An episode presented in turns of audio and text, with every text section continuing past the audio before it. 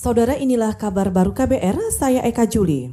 Wakil Presiden Ma'ruf Amin menyatakan pandemi COVID-19 berdampak besar terhadap aktivitas perekonomian nasional.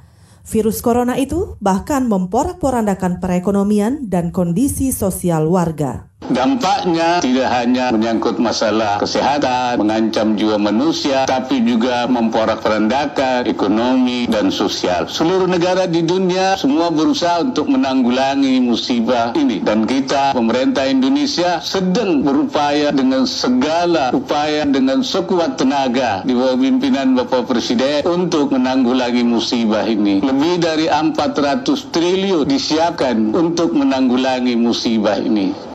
Wakil Presiden Ma'ruf Amin juga meminta masyarakat Indonesia berjuang bersama untuk menanggulangi wabah virus corona. Ma'ruf berpesan agar masyarakat selalu menjaga iman, imun tubuh, keamanan, dan senantiasa berdoa kepada Tuhan. Ma'ruf Amin juga berpesan kepada masyarakat untuk jangan lagi melakukan penolakan pemakaman terhadap jenazah COVID-19. Kita ke soal Pilkada 2020. Perkumpulan untuk Pemilu dan Demokrasi atau Perludem mempertanyakan jeda penundaan Pilkada 2020 yang hanya dilakukan selama tiga bulan.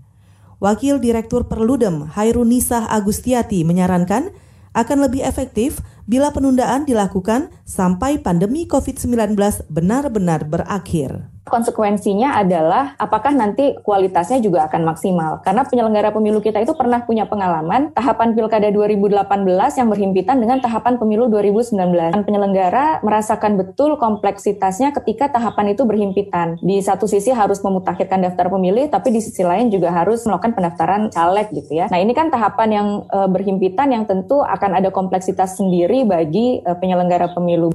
Wakil Direktur Perludem, Hoirunisa Agustiati juga mengingatkan, pemilihan umum bukan hanya tentang bagaimana melaksanakan pemungutan suara saja, tapi juga ada tahapan-tahapan yang harus dilewati dan membutuhkan waktu yang cukup lama.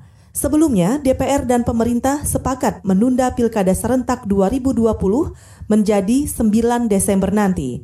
Penundaan dilakukan karena wabah virus corona. Saudara Organisasi Kesehatan Dunia atau WHO mengumumkan tiga vaksin COVID-19 sudah masuk tahap uji coba klinis, sedangkan lebih dari 70 vaksin sedang dalam pengembangan. Dirjen WHO Tedros Adhanom menjelaskan, WHO juga menguji coba sejumlah obat yang diyakini bisa menyembuhkan pasien COVID. Sejumlah obat itu antara lain remdesivir, ritonavir, dan obat anti malaria, kloroquine, dan hidroksikloroquine. Akhir pekan ini, WHO akan menggelar konser amal yang melibatkan sejumlah penyanyi seperti Lady Gaga, Global Citizen, dan lainnya. Konser dari rumah itu bertujuan menghimpun dana amal untuk penanggulangan COVID-19. Saudara, demikian kabar baru. Saya Eka Juli.